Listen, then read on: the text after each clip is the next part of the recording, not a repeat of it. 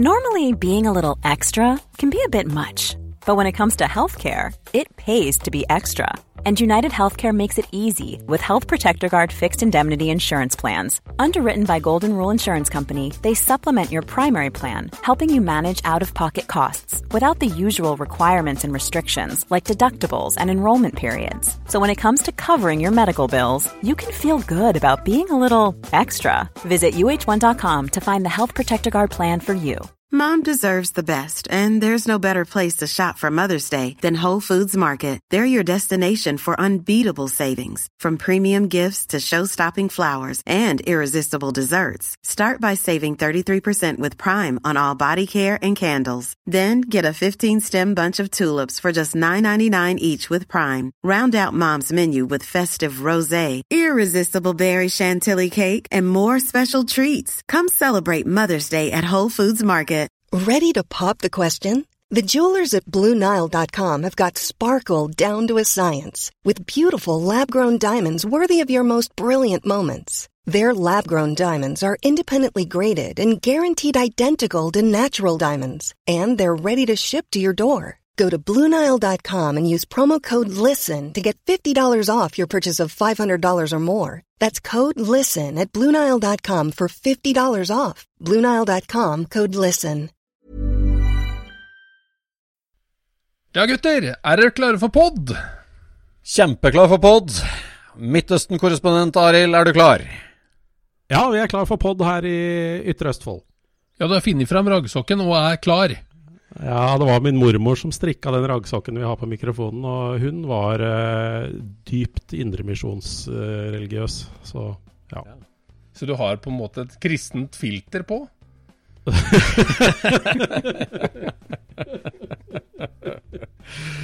ja ja, nei, vi får kjøre pod. Ja, gjør det.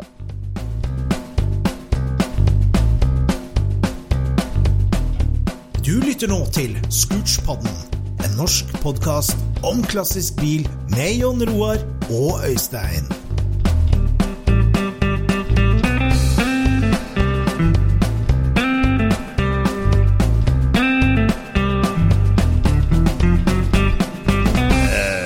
Ladies and gentlemen, velkommen til en ny episode av Scootspodden, din favorittpodkast om hobbybil. Eh, vi har jo funnet en modell der vi kan være tre på mikrofon, og det er veldig hyggelig, Arild, å ha deg med til nok en rølepod. Jo, takk for det. Takk for det. Jeg er veldig glad, veldig glad i å prate skitt, så det Ja, kan bli er mer skitt fra Ytre Østfold. Ja. Ja. Har du drevet med noe bil i siste uka, eller? Eh, ja, eh, eh, nå er det jo mer enn en uke siden, da, men eh, vi kjørte jo på uh, Bug-in tut og vink, og det må jeg framsnakke litt, altså. For det, det syns Ja. jeg var ordentlig glimrende opplegg. Jeg tenkte sånn Fram. Jeg tenker sånn først, først så tenkte jeg sånn Rebusløp, er ikke det litt døvt, liksom? Det er ikke det veldig sånn gubbete? Så ja, nei, æsj. Jeg tenkte ja, ja, jeg slenger meg med, da, sjøl om jeg er en gammel råner som egentlig Ja. Men det var skikkelig kult, for, fordi uh, uh, det, er ikke, uh, det er ikke noe fast rut, runde du skal kjøre. Du kan velge postene i hvilken rekkefølge du vil, og det fører, det fører til at folk møtes tilfeldig. Og alle postene er også ganske tett innafor en radie på en mil halvannen, så du møter nye folk hele tida langs veien. I alle Ja. retninger. Og det, det selve redbussen, det interesserte meg midt bak. Det var helt uinteressant. Det var eh, passasjerene som tok seg av. Men eh, nei, så det Men det å bare mø møtes på veien sånn, jeg syns det var helt suverent, altså. Det må jeg bare si. Det anbefales eh, virkelig. Så det var virkelig som tut og vink. Man tuta, og man vinka. Absolutt. Kult. Men det der er jo helt fantastisk å se hobbybiler i trafikken sånn. Altså, Ja. Det å kjøre på cruising, det er én ting. Da kjører vi alle i samme retning. Og du opplever Ja. egentlig ikke så mye før du snur. Det er først da du ser de andre bilene komme imot, ikke sant? Mm. Mens eh, f.eks. SSC-helga, da. En tur inn til Jessheim der. Det er jo helt magisk. for, for det er jo folkevogner absolutt overalt, kan du si. Mm. Så det er eh, Ja, jeg ser for meg at det er en sånn feeling som du får i disse store treffa som tar opp en hel by, liksom. At, det, at hele ja, hele byen blir bare skrudd tilbake i tid, på et vis. Mm. Ja, det er tøft bare det å ta bilder av biler i fart òg. Der når vi ligger bak hverandre eller ved siden av hverandre og tar bilder av Ja, der har jo du nesten holdt på å miste livet sist vi drev med det sammen, Arild, men, eh, men uh, Jeg har vært mye nærmere døden enn eh, det vi har vært, for å si det sånn. Det var ikke rare greiene. Nei. So much for that. Ja. ja. Enn du, Jon Roar? Har du uh, fylt siste uka med noe bil? Det har ikke vært så veldig mye bil, men jeg holder på å sette en ny garasjeport i låven, da. Og da Ja. blir det bil hjemme også. Så det blir gøy. Ja, det er jo i høyeste grad bilrelatert. Så ja, du har montert limtredrager og vært byggeingeniør, du. Ja, det har jeg. Det er utrolig hva, hvor greit det går når du har brukt en sånn rundt ti år på planlegging. Ja, ja, men det der har vi snakka om før i poden i forhold til bilsammenheng òg. Du, du samler og biter og deler og har det liggende noe under senga, noe i vitrineskapet, noe der. Og så liksom, du går og tenker på det øyeblikket det når du skal montere det. Ja, ja. Og det, det, da går det jo lett, og det er jo så stas, for du har gleda deg så lenge til det øyeblikket. ja. Jeg ser noen paralleller her til det temaet vi skal ta opp seinere. Ja, ja for i, dag, i dagens episode så tenkte vi å prate litt om eh, hvordan holde motivasjonen oppe på et prosjekt. Hvordan, hvordan få en god start. Og, og også egentlig litt sånn rundt innspurten av et prosjekt. Da. Og eh, nå er det jo fristende å sette over til deg, Arild, på litt sånn hvordan du holder opp motivasjonen oppe for et langtidsprosjekt. Men det er kanskje litt frekt? Litt slemt? Nei. Ja, jeg er jo i hvert fall definisjonen på hvordan eh, ikke holde motivasjonen oppe. Det, det det må jeg jo si. Der, der ligger Ja, ja. jeg bra an i løypa. Ja. Nei, en metode som jeg har brukt, det, det er å, å ta noen kule bilder av prosjektet og legge ut på sosiale medier og få litt kred. Det syns jeg faktisk er eh, veldig Mm. motiverende. Mm, mm. Ja, men har du ikke da laga en veldig høy terskel for det neste bildet? Jeg har vel aldri lagt terskelen for høyt, jeg vel. Det var ironi, da. Nei, jeg bare, jeg bare Det tenker at du har Det er vanskelig å komme med noe nytt etterpå, på en måte, hvis du har vist alt. Ja, du må ikke vise alt. Ja. Nei, men jeg syns, jeg syns eh, Ikke sant, vi har jo en, en viss mengde entusiasme som vi bruker på bil, ikke sant? Og når, når, når det begynner å gå tregt på ett prosjekt, så vipper jo hodet bare rett til neste. Da, da er det jo liksom neste lokkende ting. Ja. Ikke sant? Og, da, og den, den energien du bruker der, den kunne jo vært brukt på den andre òg. Det er bare at der er det kommet noe, en sånn snublestein som gjør at du kommer ikke videre der. Det er liksom Det morsomme har rent ut, liksom. Mm. Og det er jo det vi hadde lyst til å prate om, da. Om det fins et sånt triks for å liksom Kan vi få det derre Komme over det lille knekket der, sånn, sånn at du kan fortsette på den du faktisk holder på med? Ja. Kom deg inn i et verkstedfellesskap og ha øh, venner som ikke bare er ja-mennesker, men øh, har litt, er litt myndige og peker deg i riktig retning. Det Ja. har hjulpet meg mye. Ja, altså som er altså at, at, de, at de er flinke til å hjelpe til, på en måte, eller at de er konstruktive i feedback, kritikk, eller hvordan tenkte du? Begge deler. Ja. Mm. Men hva gjør, hva gjør et ja-menneske feil i en situasjon hvor du holder på med en bil, da? Nei, han bare Når, når eh, min hjerne fyker av gårde til neste prosjekt, så, så bare eh, følger hjernen til vennene med på det, eller bare sier ja, du gjør hva du vil. Men det, det er ikke alltid det hjelper så mye. Det er kanskje vennen må si nei, Arild, nå må du holde igjen og se målet på det forrige Ja. prosjektet. Ja. Mm. Ja. Ja, så det er ikke sånn når du står der med vinkelkutteren, så ja, ta taksenk, du. det, er ikke, det er ikke sånne ja-mennesker du tenker på, det er de som bare Nei. støtter deg i å skifte Nei. prosjekt med en gang. Og i verkstedet vårt nå, eh, nå sist helg, så var det et prosjekt som ble Tok sin første kjøretur da, etter eh, fire-fem års byggetid. Og der hadde eieren, jeg skal ikke nevne navn, men eieren hadde en skikkelig mental sperre. Han liksom fant på alt han kunne av unnskyldninger da, for å Nei, vi kan jo utsette litt til, vi kan jo vente litt til. Men da tok bare kompisen hans og justerte motoren og satte seg inn og kjørte, kjørte av gårde. Og så tok han den første testturen. Og da Når han kom tilbake, riktignok holdt hjula på og ramla på veien, da, men uh, han ringte og etterlyste hjulkryss plutselig. Den er grei. Den er. Men eh, så kom bilen tilbake, og da, da fikk eieren Da var det sperra hans liksom løsna, da, for da, da så han at bilen faktisk kunne bli ferdig, da. Mm. Ja. Så Ja. da var han ute og kjørte, og da var han kjempelykkelig. Så det blir en eh, Ja, grisetøff eh, Karmagia som jeg håper vi får se på SSC nå i Ja. august. Mm. Som har holdt på med i fire-fem år. Mm. Nei, for det, det, ja, det er noe sånn det, er, det- det er sikkert en diagnose for det med at liksom når du Sånn som oss bilentusiaster, som fokuserer såpass mye på veien mot målet også. At liksom prosessen og restaureringa er så viktig, og liksom det, blir en rutine på det. Kanskje, ja, som du sier, fire-fem år, kanskje ti år du har holdt på med en bil og skrudd og skrudd. og da det på en måte så kan det bli nesten en sånn frykt for at det der skal ta slutt. da, At du skal bli helt ferdig og ut og kjøre. altså Det er jo et veldig mål, men At du jeg kjenner meg litt hobbyen, igjen i liksom? det, liksom. Ja, du, du, du, du er nesten litt sånn Ja, det, det, har, det har blitt en sånn veldig sånn rutine med altså det der å, å virkelig vri om nøkkelen og ut og kjøre, at det er nesten litt sånn skummelt, på en måte òg. Ja. Mm. Det Altså, eh, hva skal jeg si Det er jo ja, Jeg har jo en hyttenabo, uten sammenligning for øvrig, som skulle bygge hytta si og bygge alt sjøl. Han holdt på i 20 år. Han har ennå bare sovet der to netter eller noe sånt. For, han, han er, for han virker som at han, han finner på en ny ting, en ny ting.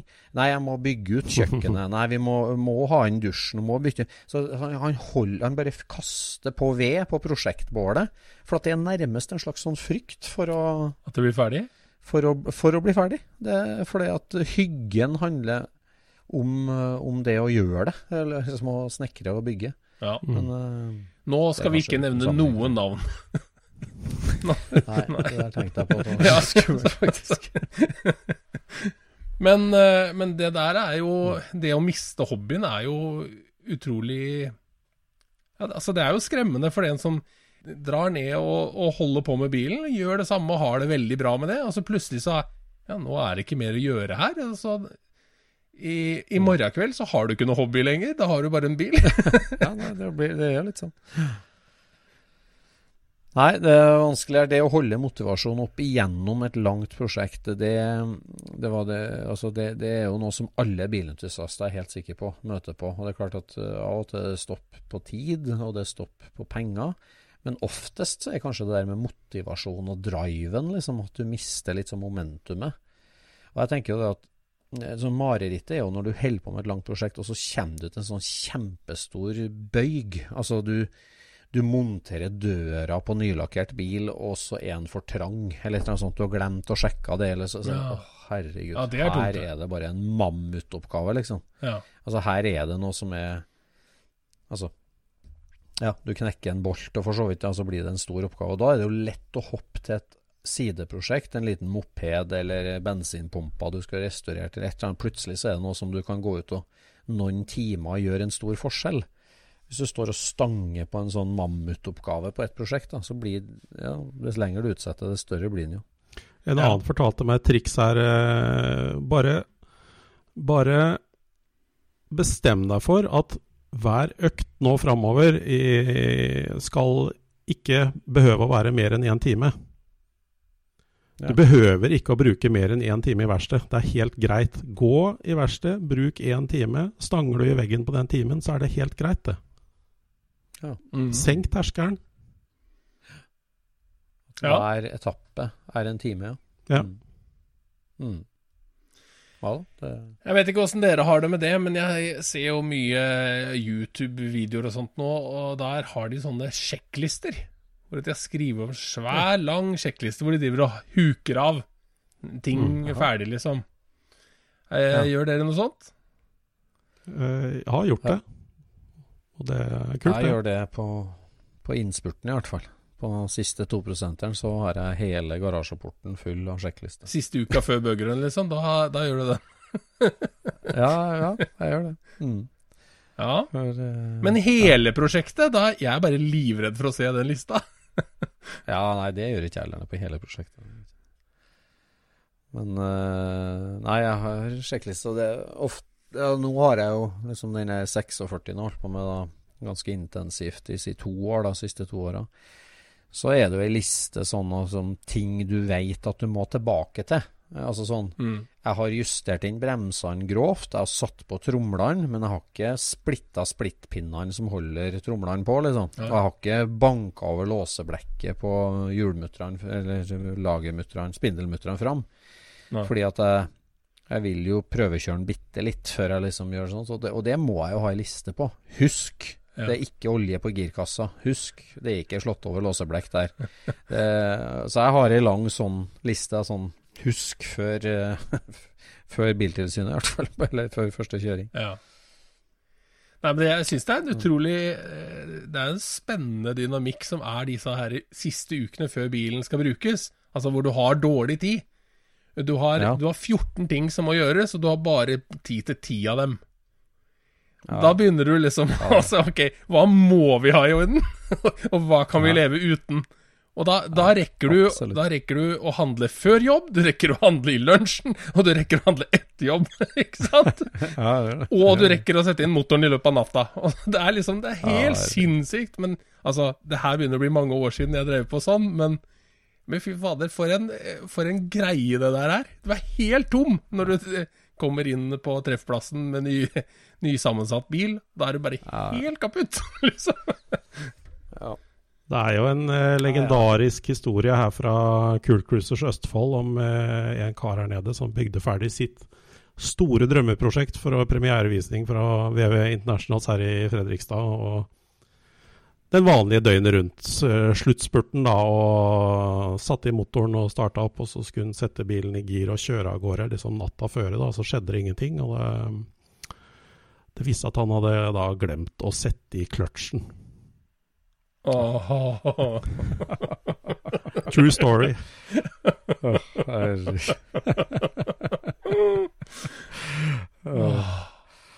Ja, det Ja, der hadde vi jo med eh, Altså, ja, det er nå en, en egen pod da, med sånn panikkproblemer i siste innspurt, men du husker jo Ja. den HPD-en eh, min, i Roar. eh, Den Ja, ja. 49 hjemmelagde racerbilen fra Sverige.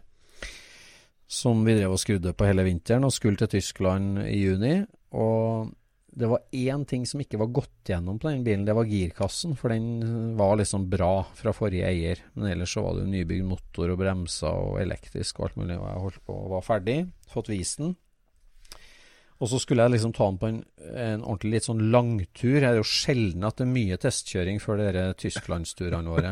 Og da dro jeg fra Vormsund og helt til Kløfta. Det er jo ti minutter med bil på motoren, så det var ikke så veldig langtur. Men da måka på der og la den i fjerdegir, og så hoppa den ut av fjerdegir. Du ligger og kjører på motorveien i 110 sånn, og så smatt den ut av fjerdegir. Og så smatt den ut av fjerdegir. Og det er jo en litt sånn kjent synkringfeil, eller ikke synkringfeil, men uh, sånn slitasjefeil på de boblegirkassene. Og jeg tenkte shit. Og det her var kvelden før avreise. Kiel-ferga gikk om morgenen. Ja. Tenkte jeg, hva gjør vi? Det her blir slitsomt. Ja, Jon Roar kartleser, han kan jo sitte og holde den i fjerde nedover eh, der. Og så tenkte jeg liksom, ok, skal vi kjøre en sånn lastestropp-strikksak som vi kan bare hekte på? Jo, det, jeg har jo hatt bobler som har det, ikke sant? Altså, jeg hadde jo ei boble som hadde en sånn påskrudd brakett på, på håndbrekket. Du la den i fjerde, og så klikk, så klikka over en sånn liten mekanisme, da. For å holde den i fjerde, så tenkte jeg, hva gjør jeg nå? Og så kom jeg på det, nei, så tok jeg da den fjæra som sitter på bak dørsveiva på folkevogna. Så sitter det ei sånn fjær. Og så kobla av eh, giroverføringa bak på nedi tunnelen mot girkassa. La jeg på den fjæra. Så den lå og trykka på eh, i fjerde. Så at, eh, og da, da, da, da fikk du veldig hjelp i å smekke den i andre og smekke den i fjerde, men så måtte du holde spaken i første og tredje. Og det fungerte helt topp, for vi skulle jo like autobancruising. og den fjerde sitter jo der ennå. Gjør det, ja. ja, ja, Så, ja. Men du vet, før en annenføreren ble kalt for kartleser, så ble den jo gjerne kalt for mekaniker. Ja. Tilbake i, på det tidlige 1900-tallet. Og du hadde jo Ja, faktisk med deg en ordentlig mekaniker, for det var ikke meg, det var Rune som satt på der. Ja, det var det kanskje. Det kanskje det, ja. Nei, han slapp å holde det girspaken. Men fortalte du dette her til Rune, for da satt han jo og gremmes hele turen? uh, det husker ikke jeg på. Jeg turte nok ikke det. Nei. Da har jo han sittet og bitt en negle hele turen. Ja. Ja. Nei, det er noe med det. Men eh, vi har jo en god venn Jon Roar, som vi snakka om, som har et triks når han henter hjem et helt nytt prosjekt. da. Si at du har, eh, du har en liten sånn prosjektkø i hodet ditt på at uh, altså, Mange bilentusiaster har jo én bil. Mange har ingen, men flere av oss har jo flere biler. uh, en håndfull. Mm. Og, um, og da har du jo en altså Du har jo en sånn liksom prosjektrekkefølge i hodet ditt, selv om det er liksom at jeg skal gjøre bare vedlikehold på den, og så skal jeg bytte bremser på den, og så Du har jo en sånn syklus hele tida. Men når det da kommer inn en ny en, bil nummer seks hvis du har fem stykker, ja. hvordan, hvordan øh, Altså, ja. Vår venn som har et triks når han tar hjem bil, Jon Roar. Du har forska på det der. Ja, altså, jeg har vel Jeg har bare observert det. Altså, jeg har tenkt at det, det der kjenner jeg litt grann igjen. Altså, når du kjøper et eh, Når du kjøper et, eh, et vrak, da, som ser eh, trist ut, så er det noen ting på det vraket som gjør at det ser ekstra trist ut. Mm. Og det er et par velretta slag med slegga, eller pumpe luft i hjula, eller spyle ut gjørma, eller rive ut den der bjerka fra hanskerommet. Altså, de tinga der sånn gjør det jo så mye hyggeligere å ta tak i seinere. Ja, For at det, det det. er jo Førsteinntrykket gjør så mye, da. Så når du ser Mm. Når du kommer med dette vraket, og alle ser bare Åh, det her var ikke bra. liksom når alle kompisene dine ser det der, så tenker du bare OK, vi kan jo, vi kan jo fikse litt på det, sånn at det ikke er så Ja. trist å ta igjen. liksom. Ja, ja. Så når Ja, du har Og når du er biloppretter, sånn som vår kompis er, så trykker Mm. du opp taket og banker til bakskjermen sånn at det ser mer ut som en, en knøvlete, men hel bil, istedenfor at noen har satt seg på den, for å si det Ja. sånn.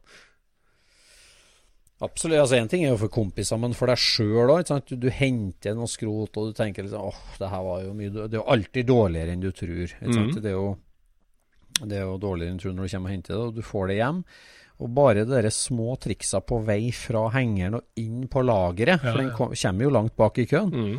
Småtteri der eh, som gjør at når du om et år eller to skal ta den igjen, og nå skal jeg begynne på den, Ja. så er den ja, men den var jo hyggelig. Den var hyggeligere enn jeg huska på. Så, Men sånn som når du henter skogsvrak, eller du henter en bil som har stått veldig lenge, som har flate hjul, og så må du dra den fram med, med bruksbilen.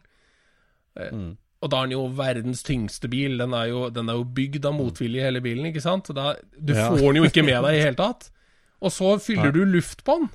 Og plutselig så er. Oi, den kan flytte seg. Det er blitt en bil igjen. Altså, den derre og- forskjellen der er helt enorm, altså. Enorm, ja, det, altså det er jo det billigste, enkleste trikset. Det er jo å få på en ordentlig dekk, luft i dekka, kanskje til og med hjulkapsler på, smekk den i trillbar. Da, det, det er noe helt annet enn et sånt drog, altså. Ja, hjul er jo Hvor mange, 50 av bilen. kubikk, eh, hvor mange kubikk med matjord var det som lå igjen på hengeren din, eh, Øystein, etter det siste prosjektet du var og henta nå?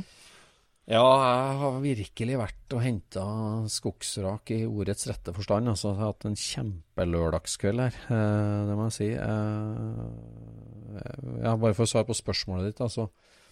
Det var jo en kabriolet, eller en cabrio-coach, så den hadde jo altså 30 cm jord, rett og slett, i gulvet. Så jeg, jeg fikk lasta den opp.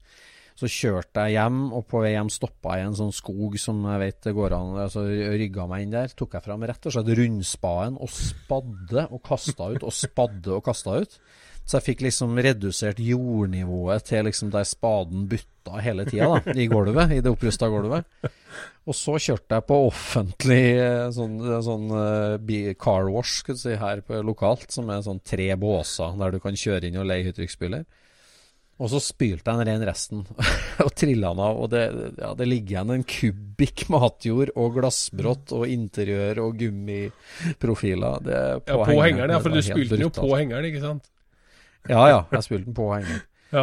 Og så tenkte jeg liksom altså det, Jeg har jo en sånn lukka henger, da. Så, Så den er jo ganske sånn tett, egentlig. Men jeg kunne jo ikke åpne bakluka for å få ut vannet, for at da hadde jeg jo lagt igjen eh, ja, et, et trillebårlass med jord da, på den der spyleplassen der folk kommer med Audien sin og skal spyle veven til mor. Så jeg spylte, og da var det jo skvalpe, skvalpe, skvalpe da, med gjørma i bånn der. Så kjørte jeg til en skikkelig bratt bakke og parkerte, og da pipler det ut vann. Da, da fikk jeg liksom sila vannet, og sto, jeg sto der Jeg spiste en burger jeg, mens det sto og pipla ut møkkevann fra hengeren. Og så, så, nå ligger det jo igjen da en middels potetåker på. så det var en veldig, veldig råtten sak. Men uh, den måtte reddes. Ja. Så, men den, eh, den Jeg fikk jo skryt av det, da. Han, eh, han som eh, hjalp meg med en hjullaster. Jeg kjenner en nabo da, på den gården der den sto. Eh, og han hadde jo kjempefin hjullaster. Så vi bare kjørte rett inn. Han kjørte gaflene under, løfta han opp. Og jeg dro to stropper under hele bilen, foran og bak. Så kjørte han gaflene inn over, og jeg hekta stroppene i. Og han løfta han opp, kjørte 100 meter opp en liten skogsbilvei. Og så hadde jeg med meg min favorittverktøy, da. En sånn Eller verktøy En sånn gammel bagasjetralle fra SAS. En liten firehjuling som jeg hadde stående på hengeren. Så bare trilla jeg den av, og han satte den bare smekk nedpå. Og så hekta jeg elektrisk vinsjen i tralla og zzt, oppå. Så sier han 'jøss, dette har du gjort før, du'. Så han hjullasterskaren hadde triksa inne. Så det Nei, for det der å, å dumpe den på hengeren med, med leseapparat på traktoren, så står du med samme problem når du kommer hjem, da. Si. Så det, da ja, det er akkurat det, ja. På hjul med en gang. Mm. Så, ja. Men der kan, du jo bare, der kan du bare stroppe bilen til et tre, vet du, og så bare kjører du når du kommer hjem. Drar da igjen. det har gjort det, hva? Det skal jeg love deg. Det har gjort det.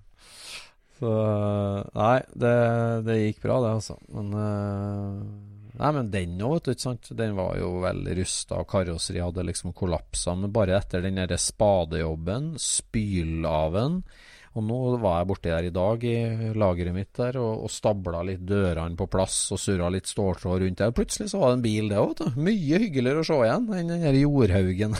ja, ja, ja. ja. Så, jeg mener at å gjøre sånne ting som det der sånn, gjør at du At det er lettere å fortsette på det. Ja, ja. Eh, men eh, det er jo ett triks. Men har vi noen andre for hvordan vi kan eh, bevare entusiasmen for et prosjekt?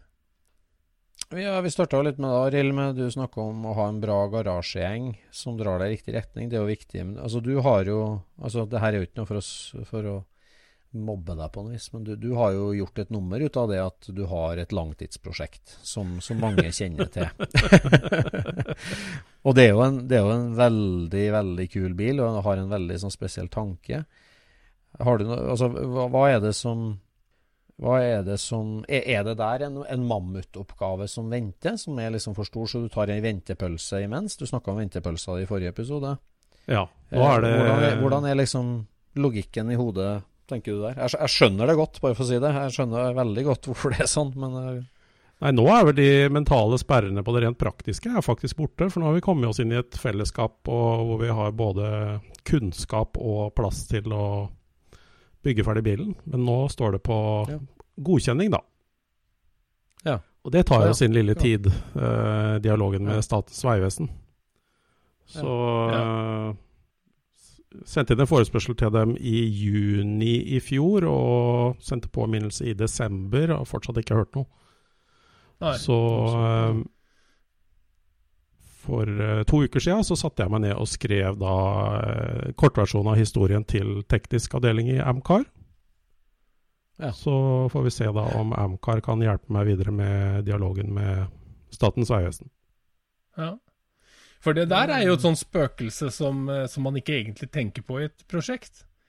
Ikke sant? Bare det der med ID-kontroll mm. og, og, bruke all den ja. energien som du må gjøre for å For i dag så er det jo sånn at bilen må gå gjennom en, eh, en teknisk kontroll for å få ID fastsatt, sånn at du kan eie den. Men da må du jo i mange mm. tilfeller så må du jo legge en enorm jobb i selve bilen. Mm. Og tør ja. du det, når du ikke vet om du får den på ditt navn? Ikke sant? Det er, mm. det er jo et sånt ja. spøkelse som ikke jeg har tenkt så mye på, da. Det har eh, Mm. Jeg vil, bare Ja, det få, jeg vil bare få sagt det på det sterkeste. Jeg er eksempler på hvordan det kan gå når du ikke gjør det. Men når du starter et prosjekt, gjør ting i riktig rekkefølge. Utropstegn, utropstegn, utropstegn. ja. Først ID, så søke om godkjenning. Få godkjenning, så bygger du bilen. ja. Det, Du har du så mye igjen for etterpå, altså. Mm. Men du starta det prosjektet lenge før det var en sånn altså S, hva heter S4 og godkjenning og sånt, du, egentlig? Var du i dialog når du starta i hele tatt, på det dag, datidens premisser? Eh, Da het det jo godkjenning av bilfabrikant, som det var det du brukte da. Eh, Ja. Så vi fikk jo da go fra Arnt Da- Dale på Harald A. Møller. Altså, gangen du gjorde jo egentlig riktig, men det var da. Men eh, pga. min helsesituasjon da, så fikk jeg aldri fullført den eh, prosessen videre med Statens vegvesen etterpå. Ja. Så ja. Og så klarte vi ikke å holde igjen, så vi bygde karosseriet likevel. Da. Ja. Skjønner. Så han som eh, det- Thomas Tørjesen, som bygde karosseriet for meg, han fortsatt, fortsatte da å bygge etter eh, retningslinjene fra og anbefalingene fra Arnt Dale på Harald A. Møller. Da. Ja, la, la du med det nå, da, i søknaden din, eller? Altså, det, Ja. Det uttalelser fra Møller, da? Ja. Skjønner. Mm. Det skulle jo ikke være noe problem. Så det, det, er jo, det er jo et korta boblesjassi med et mye mer solid karosseri enn eh, alt annet med korta boblesjassi. på. Det er sant. Mm. Ja, med det har, vært god, det har vært godkjent korta bobler i Norge før òg, så det med, Ja, det med tak det og alt. Så det, Ja. vi får se, da. Men hvordan, hvordan altså, tenk på det vi som driver med originalt, eller litt ombygd, og, og, men altså, hvordan er det i løpsspillsammenheng, Arild? Altså, de drifterne og alle dem her, er det Altså, det her med regulatoriske, altså det lovverket, eh, Bilsportforbundets lovverk, det, er det noe inspeksjon eller godkjenning underveis der, eller er det første løpet du møter opp til at det blir Hvordan er det? Jeg kan ikke det regelverket veldig godt, men du må jo ha vognlisens. Og det, da kommer det en kar hjem til deg, og eh, en som er godkjent av Bilsportforbundet, tror jeg. Kommer det en kar Ja. hjem til deg og godkjenner bilen. Og du har ikke lov til å stille på løp før du har den vognlisensen, da. Nei. Og den vognlisensen tilsvarer jo da vognkortet på en vanlig veibil, da. Mm. Så du må jo bygge nå i henhold til eh, regelverket som eh, Bilsportforbundet har, med sikkerhet og alt det der. Og så kommer det en kar hjem til deg da og godkjenner den. Om han kommer underveis i byggeprosessen òg, det vet jeg ærlig talt ikke. Jeg beklager, jeg kan ikke nok om det. Mm. Men det må være godkjent. Mm. Jeg skjønner. Mm. Nei, min teori rundt den mm, bluesmo-buggen din altså, det, det, Jeg har litt samme syndromet med flere av mine prosjekt. For at eh, f.eks. så har jeg en, en 32 Roadster, en hotrod-bil, og den eh, kar, altså den bilen Eh, liksom Chassiset kom fra ett sted, karosseriet var helt i biter, partert. Eh, det var bare noe karosserisider og noen dører og ei rumpe og eh, liksom det, det var bare deler som Og det prosjektet der, det drev jeg og liksom Jeg trilla på ei ramme, jeg bærte på ei karosseriside, jeg flytta på ei motorblokk. Det var liksom bare deler i 15-20 år som jeg lagra på og lagra på jeg, nå skal jeg bygge bil. Liksom. Jeg hadde den helt i hodet. Jeg skal ha de lyktene, den kompressoren, sånn baklykt, skjermløs. De dekkene hadde jeg samla på Ekeberg, fått tak i dritkule bakdekk. Alt disse byggeklossene hadde jeg. Og så gjorde et skippertak en par år og jobba med den veldig mye, med min gode venn fra Verdal nå, Geir Nattvik, som var med og gjorde mye av karosserijobben. Og vi skrudde den sammen og satte den sammen. Fikk på dekkene, fikk på hjul og kapsler, alt sammen. Fikk starta motoren, og den står der og ser akkurat ut sånn som jeg hadde drømt om. Liksom, jeg hadde drømt akkurat det. Stansen er riktig, det var, det var liksom helt topp. Sånn som bluesmobuggen din, altså det store C-momentet med den, det er jo karosseriformen. Kortinga, senkinga, pillarless. Altså liksom, he, he, liksom Den derre store outline og det store, det, det store med prosjektet er jo liksom ja, karosseriformen din. Og for meg så var det liksom de her legoklossene som lå strødd utover gulvet. Plutselig så var det liksom en pakke. Og jeg klarer ikke å få den bilen ferdig. Altså gjøre ferdig det elektriske og lys og tregulv og pedaler. For at liksom, i mitt hode så er den liksom ferdig. Nå står den der. Alle de bitene. Der er akkurat den det, som det design det, Skulpturen jeg hadde i hodet, der står den. Ja, ferdig. Kult. Men altså, det går ikke an å kjøre den ennå helt, og den er ikke registrerbar ennå. Og eh, Bluesmobuggen og Det her er jo min teori, bare. men det, det, det, store kunstmomentet i den er jo akkurat det du står og ser på. Fy fader, for noen linjer. Fy søren, hvor kul den er. Mm. altså, men jeg vet ikke om det er det som det, det, Men det er i hvert fall én betraktning rundt det der å gjøre ferdig de siste 20 da, når ja. Nei, jeg har ikke det prosjektet med motivasjon på det nå. Nå er det staten det står på. Jeg, jeg er forbi det hakket der. Så heldigvis. Ja. Jeg er veldig glad for det. Jeg har Men, 90 eh, av delene og alt, så det mm. Men når staten sier OK, er det da, tror du at det tenner en, en, gnist som gjør at du bare fullfører i full fart, eller hva, hva tenker du om det? Uh, ja, det gjør jeg. Da i full fart. Det kommer an på hvor uh, mye de krever, da, og hvor mye kostnader det medfører det de krever. Altså Det det handler om er om man skal godkjennes som ombygd eller amatørbygd. Og hvis han blir godkjent som ombygd, så kan han uh, skru den sammen relativt kjapt. Men hvis han må gå som amatørbygd, så er det jo et litt mer komplisert regelverk som krever, som krever mer jobb og mer penger, da. Så da vil det ta litt lengre tid. Men lysta er der? Lysta er der, absolutt. Og mm. nå er Det er jo den som er veldig vanskelig å finne noen ganger. Lysta. Ja. Det er jo den som ofte glipper. Altså Her glipper jo lysta fordi at uh, Vegvesenet ikke får fingeren ut. Men, uh, men, vanligvis så glipper jo lysta av en eller annen helt annen grunn. Et eller annet problem, mm. eller altså at uh, her, Jeg må ha hjelp. Jeg må ha hjelp av noen for å mm. få dette her til. Og den noen, den er jo alltid opptatt med det han egentlig driver med i hobbyen sin. Nei, det du, eh, Øystein, du må jo by gjengen på en, eh, en kompishelg på låven, du. Hvor du ordner med grilling og litt korona og Altså øl, da. Og eh, litt sånn. Ikke noe superspennende. Så, har, så har du en som er god på kabelsko, og så har du en som er god på å skru fast hjullager og Samle den rette gjengen. Og by, ja, bjuda på litt. Så Bjuda på litt. Ja, jeg mener det. Ja Nei, det er sant, ja. Det er sant, ja. Det, ja, det er jo det du sier med gode venner og bra garasjesamdrift, for å si det mm. sånn.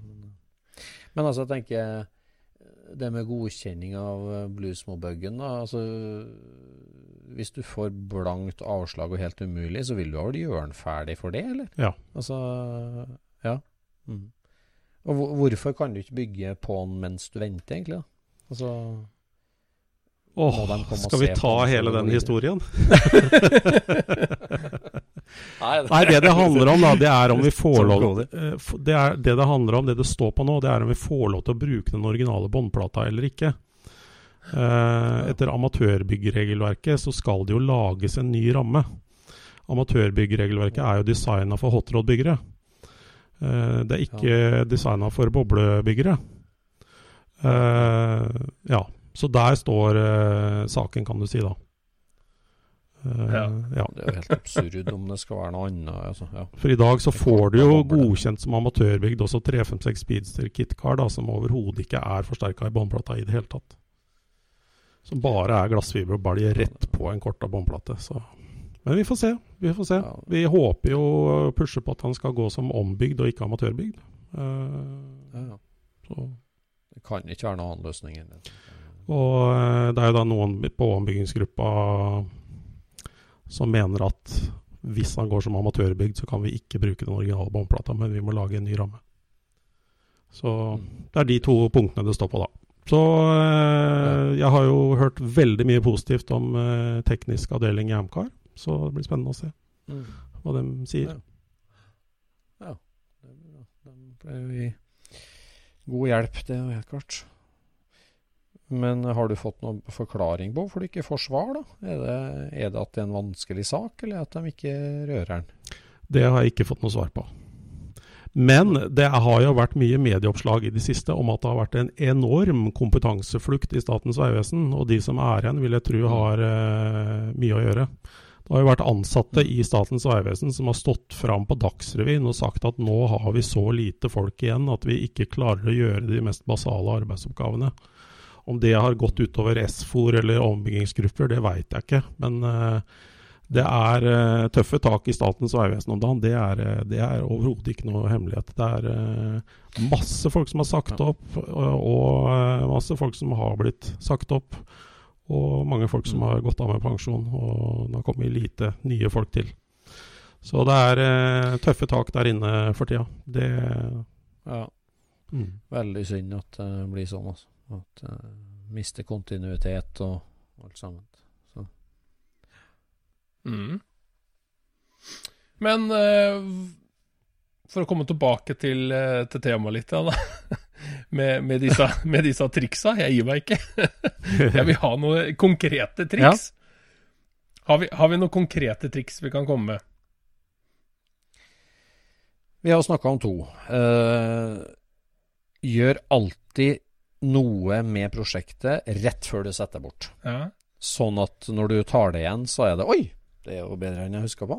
Det er viktig. Ja. Og så er det jo det trikset med å omgi deg med konstruktive venner. Mm. Både når det gjelder dugnadshjelp, og det å styre i riktig retning. Mm. Det er jo helt klart. Og, så, og senk, senk ambisjonsnivået. Ja. Korti, ja. Lag små etapper, mm. som du sier. I, både i tid og oppnåelig mål. Vær fornøyd med å få ut den knekte bolten den uka. Ja, helt riktig. Og så tenker, så tenker jeg at uh, hvis du er en som, som ikke takler totalt kaos, da, eller som syns det er veldig tungt å ta tak i noe som er helt kaos, så må du nesten rydde opp før du går hjem. Ja. Ja, det, mm. altså, så, sånne småting, ikke sant. For du kommer inn døra, og så bare Å, her henger hele ledningsnettet som en foss inni bilen. Ikke sant. Da er det bare åh. Og så går du igjen. ikke sant.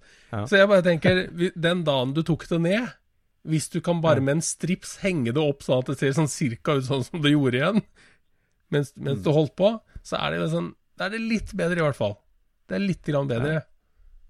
Og jeg har det sånn når, at jeg, jeg, at når jeg sveiser så drar jeg ikke hjem før jeg har slipt sveisene eller fått det til å se ålreit ut.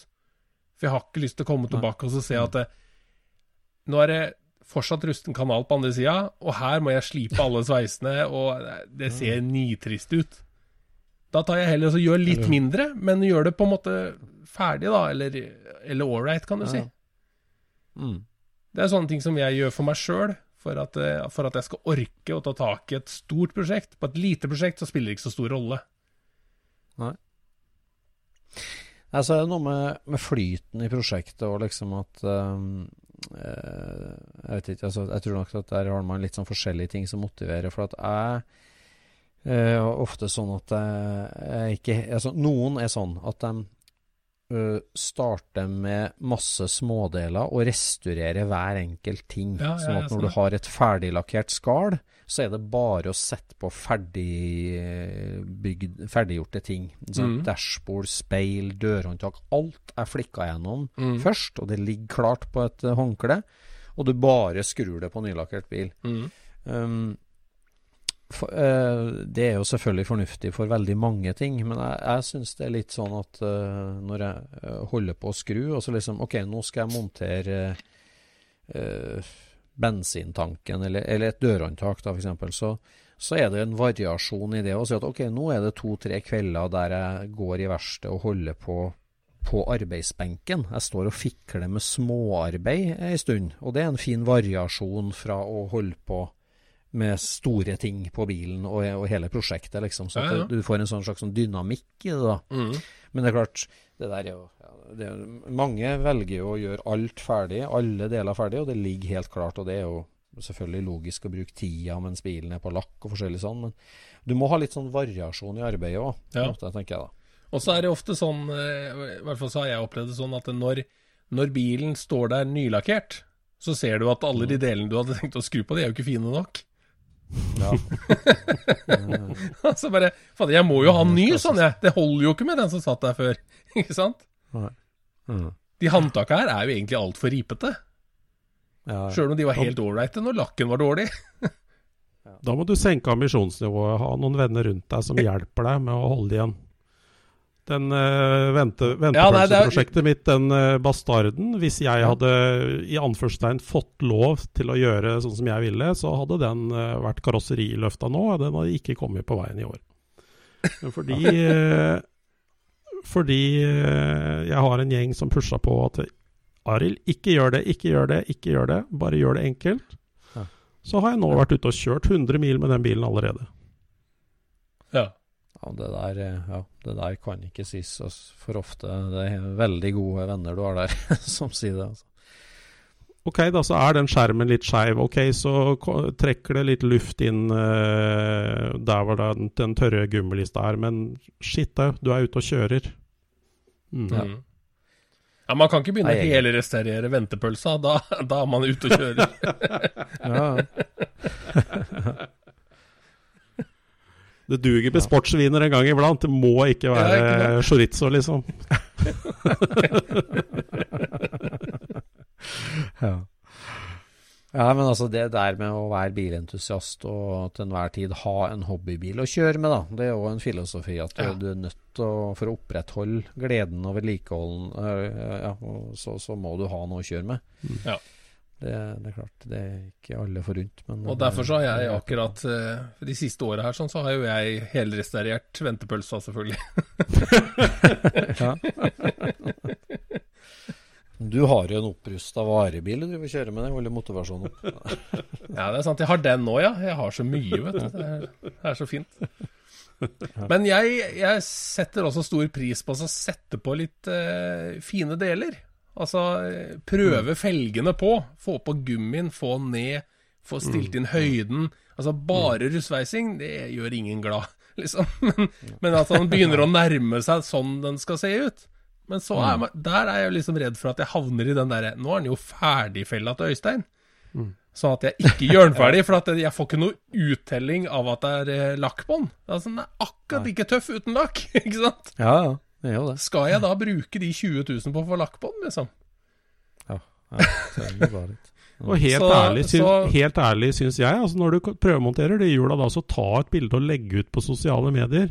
Og få litt Mm. uh, feedback. Altså det Ja, det er moro med likes. Det er faktisk det, og det er ikke flaut å si det engang. Yeah. Nei. Nei. Det er moro med likes, det er det jo. Mm. Men der har vi jo han kompisen vår på, på Nesodden. Han hadde jo en doktrine hvor det handla at alt skulle være superhemmelig helt til at bilen var ferdig. Ja. Du skulle ikke ha én tommel opp. Du skulle ikke ha, er jo- Ingen skulle ha sett dette her. En skulle bare overraske totalt. Ja. Ja. Han er jo unntaket som bekrefter regelen. Han er jo vår venn på Nesodden. Han er en fantastisk fyr og en fa fantastiske biler, men eh, han gjør det på sin måte. Ja, han gjør det. Som er ganske forskjellig fra alle oss andre. Ja. Ja, altså, det, du skal ha en sånn drive inni deg da. Altså, Hvis du ikke skal vise det til noen, og du holder på i årevis, liksom. Ja. Og så Men jeg føler at der er jo mye triks å overraske. Overraske skråstrek lure. det er jo en sånn Ikke lure i sånn negativ fortegn, men, men liksom skille kjennere fra kjennere.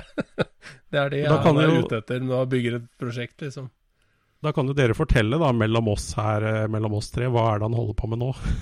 det lurer jeg på, da. Det tør ikke jeg snakke om. ja, men det var jo litt Begynner, begynner du på ni, eller begynner du på tre? Der var jo òg filosofien litt det der med liksom Altså når du Når du driver litt sånn banebrytende bilbygging, da. Du gjør noe triks, enten det er liksom litt sånn racing-inspirert eller custom-inspirert, eh, så, så gjør du en del triks. Og det er klart at det er stas med å være litt sånn først ut med ting. Det er klart det. Eh, Altså det er sånn Førstemann som satt fuks på boble, han har jo blitt kopiert noen gang, på en måte. og det, det, det, det, er stas å være først ut, men med en gang du gjør med, med at du deler prosjektet, da, enten at du viser fram til mange i garasjen eller på nettet, så er det altså det, det vet jeg vår venn på Nesodden var var på, det med at du, du, da kommer du på et treff og sier 'Å ja, ja, du, du satt på de hjula jeg sa du skulle sette på', ja. ja, jeg sa det til deg. Skjulte håndtak, det var kulest, liksom. Eller sånn.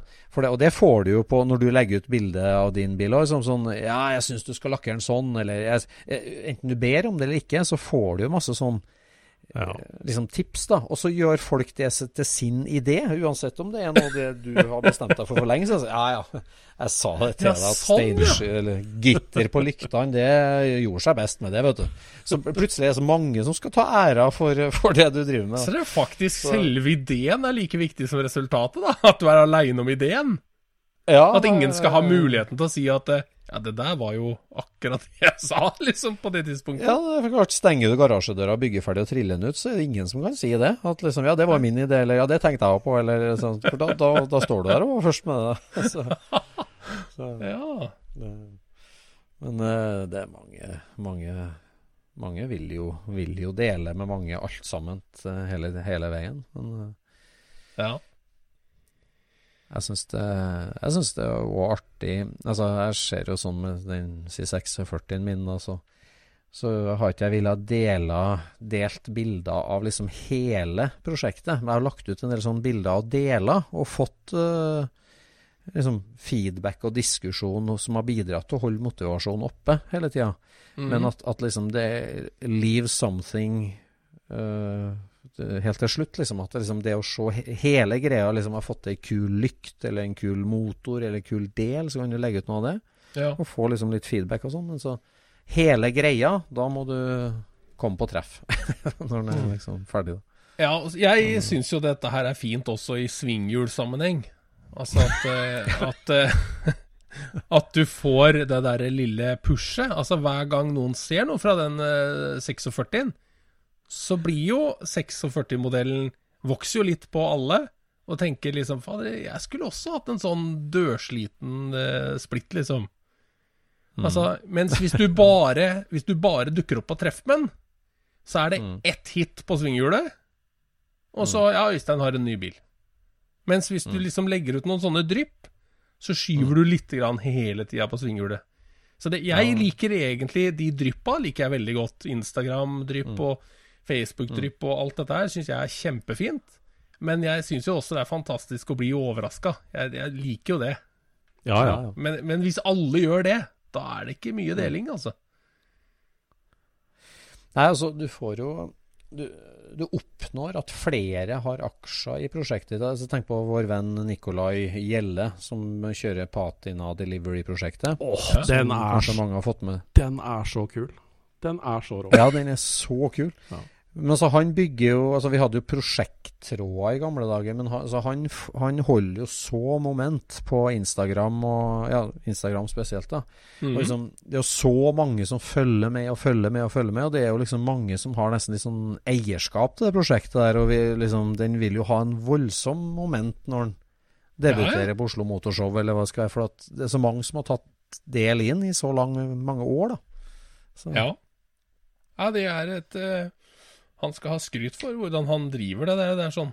Det er uh, så det på, altså dere driftekongene du er kompis med, eller sånn, der er det jo litt sånn fullt hemmelighold, og nå skal han debutere. Den nye bilen, årets, liksom sånn wow, Så skal han rulles ut. Eller er det byggebilder og deling der òg? Det varierer. Det er alle varianter. Alle ja. varianter. Det avhenger ofte mye av hvor mye sponsorer som er inne i bildet og sånne ting.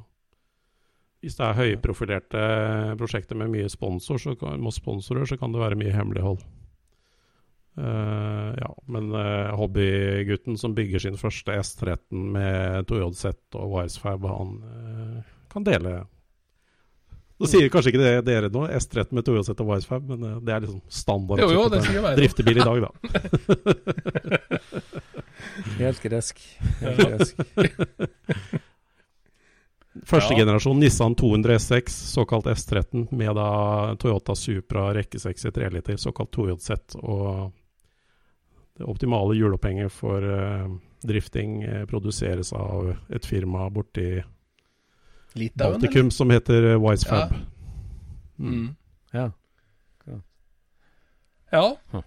Nei, men uh, Jeg føler vi har noen triks her nå på hvordan, eh, hvordan du kan gjøre. Men én ting som, som man eh, Når man går lei prosjektet sitt på 90 %-stadiet, og man har gjort den der mockupen i garasjen Husk å si fra til neste eier at du har ikke satt mutter på rattet. Å, ja. Er det noen som har vært ute for det? Det har forekommet. At jeg er ute og prøvekjører, og så bare Ops, der sitter jeg med rattet i handa, liksom. Tuteknappen var jo satt på. Ja, ja, ja. det, det, det må på lista på garasjen. Sant, det må på lista. Det var det jeg sa. Ja, Ja. det må på lista. Ja, Vi er nødt til å ha litt sånn. Altså. Jeg prøvde jo å stramme Jeg, bomma på stramminga en mutter en gang, jeg òg. Skal vi ta den historien nå, eller skal vi spare den neste gang? Ja, Nei, kjør på, du. ta den. Nei, det, det er en helt annen historie, men ja. Nei, det var jo Når jeg var 19 år og hadde vært i militæret, så hadde jeg turnustjeneste i militæret. Og det gjorde at jeg fikk ikke reist på så mange treff den sesongen. Jeg hadde kjøpt meg en Calluck-boble, en mintgrønn en. Så det dimma jo på høsten. Så tenkte jeg må jeg få meg en skikkelig tur på høsten. Jeg altså, skulle kjøre til slekta i Romsdalen, fra Moss da til Molde-traktene. Men før jeg skulle dra det, så måtte jeg overhale bremsene. Ja, ja. Og så sto det i Haines-boka så sto det noen sånne tall om hvor mye du skulle stramme den der mutteren på bremsetrommelen. Jeg vet ikke, det var litt sånn gresk for meg. Jeg bare tok det håndverktøyet jeg hadde og stramma til og satt i den gamle splinten. Vi kjørte av gårde. Hadde en fantastisk tur opp Gudbrandsdalen. og I høstmørket kom jeg på Lesja. Spilte Blues Brothers på full guffe på seks ganger ni-tommerne i hattehylla. og og så smalt det. Oi. Sto det en gnist Jeg så bare i speilet, så så jeg en gnistsprut bak bilen, som er sånn omtrent som når du kjører en sånn vannskibåt, en sånn stråle fra propellen, vet du. Så det sto bare sånn Ja, ja. stråle opp. Ah. Og så tråkka jeg jo på bremsen, da, som man gjør i en sånn situasjon, og den pedalen gikk jo rett i gulvet. Skjedde ingenting. Én krets for the win. Ja. Ja. Heldigvis var det på ei lang rettstrekke, da, så han stoppa til slutt. Da var hele ja, trommelen og felgen og alt sammen vekk, da. Eh, ja, da jeg gikk ut av bilen, så var det ikke noe hjul der. Det, det var ikke der. Det, det lå ikke i veikanten. Det var ikke noe hjul Nei. der. og hele støtdemperfestet var borte, og nedre del av støtdemperen var borte, og skjermen var litt stuka. og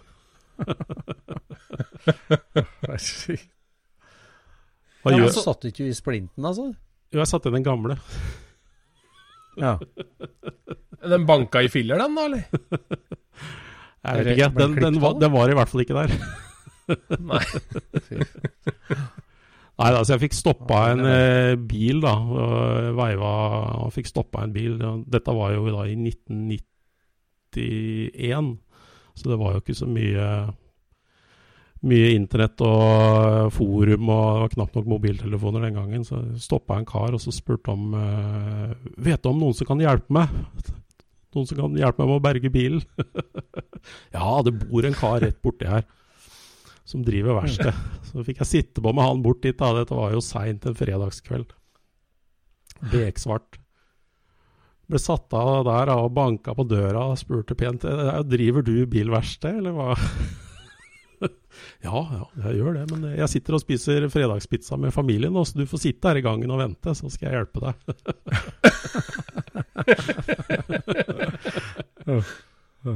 Nei, det viste seg han hadde jo verksted bare et par hundre meter unna. Så vi dro dit, og han tok fram traktoren med sånn høysvans på. Og ut på riksveien og, og jekka opp bobla og kjørte høysvansen under og stroppa han fast og dro den baklengs bort til verkstedet. Kikka på Begynte å se på dette greiene, da. Det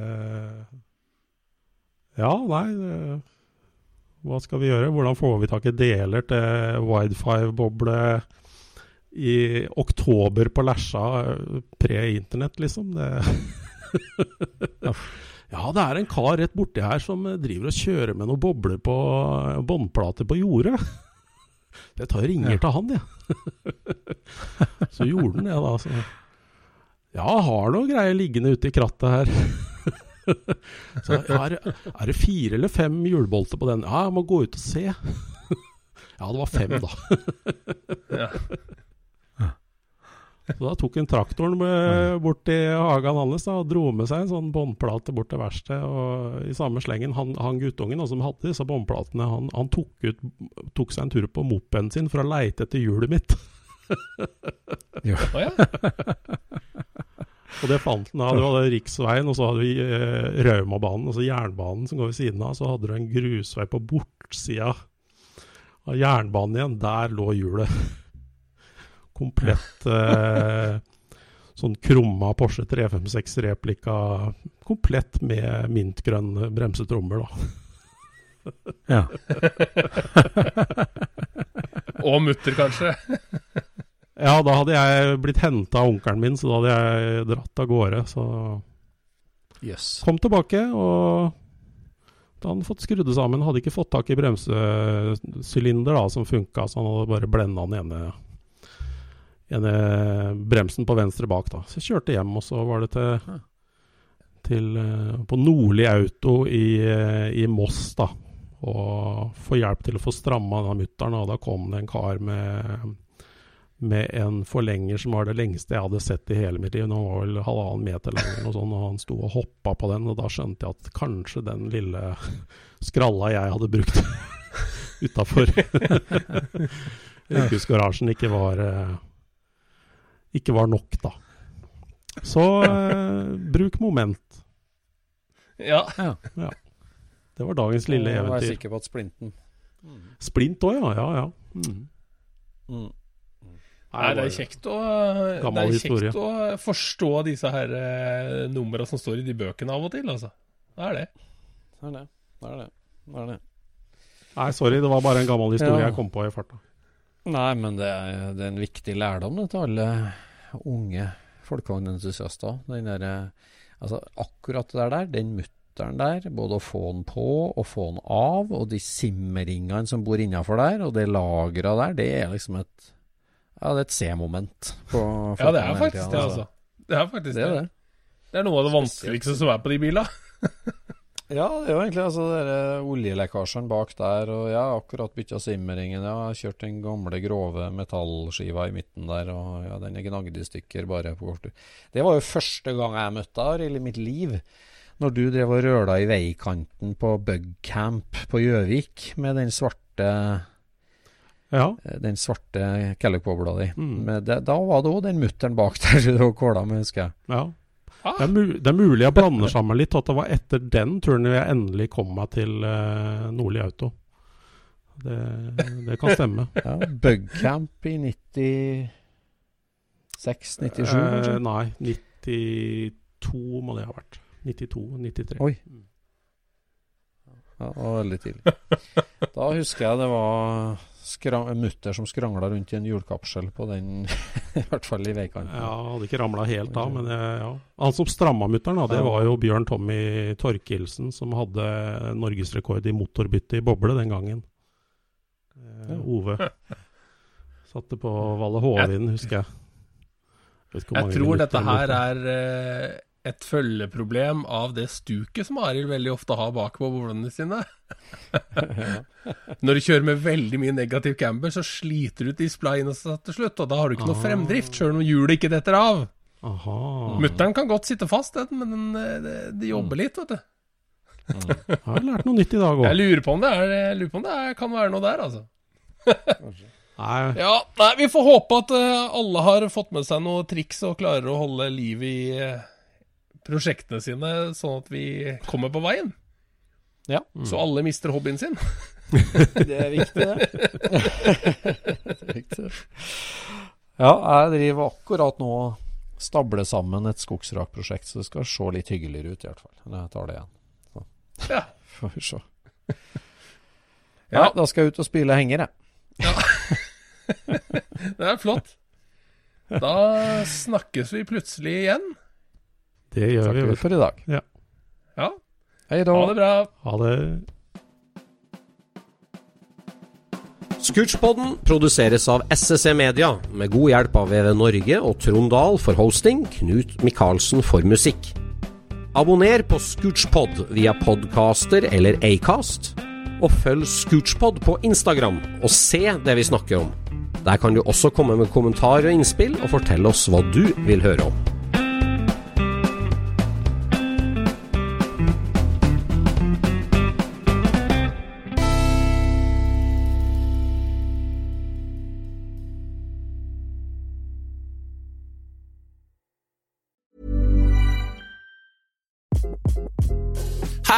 This is Craig Robinson from Ways to Win, and support for this podcast comes from Invesco QQQ, the official ETF of the NCAA. The future isn't scary. Not realizing its potential, however, could be. Just like on the recruiting trail, I've seen potential come in many forms as a coach. Learn more at Invesco.com slash QQQ. Let's rethink possibility. Invesco Distributors, Inc. Mom deserves the best, and there's no better place to shop for Mother's Day than Whole Foods Market. They're your destination for unbeatable savings, from premium gifts to show-stopping flowers and irresistible desserts. Start by saving 33% with Prime on all body care and candles. Then get a 15-stem bunch of tulips for just $9.99 each with Prime. Round out Mom's menu with festive rosé, irresistible berry chantilly cake, and more special treats. Come celebrate Mother's Day at Whole Foods Market.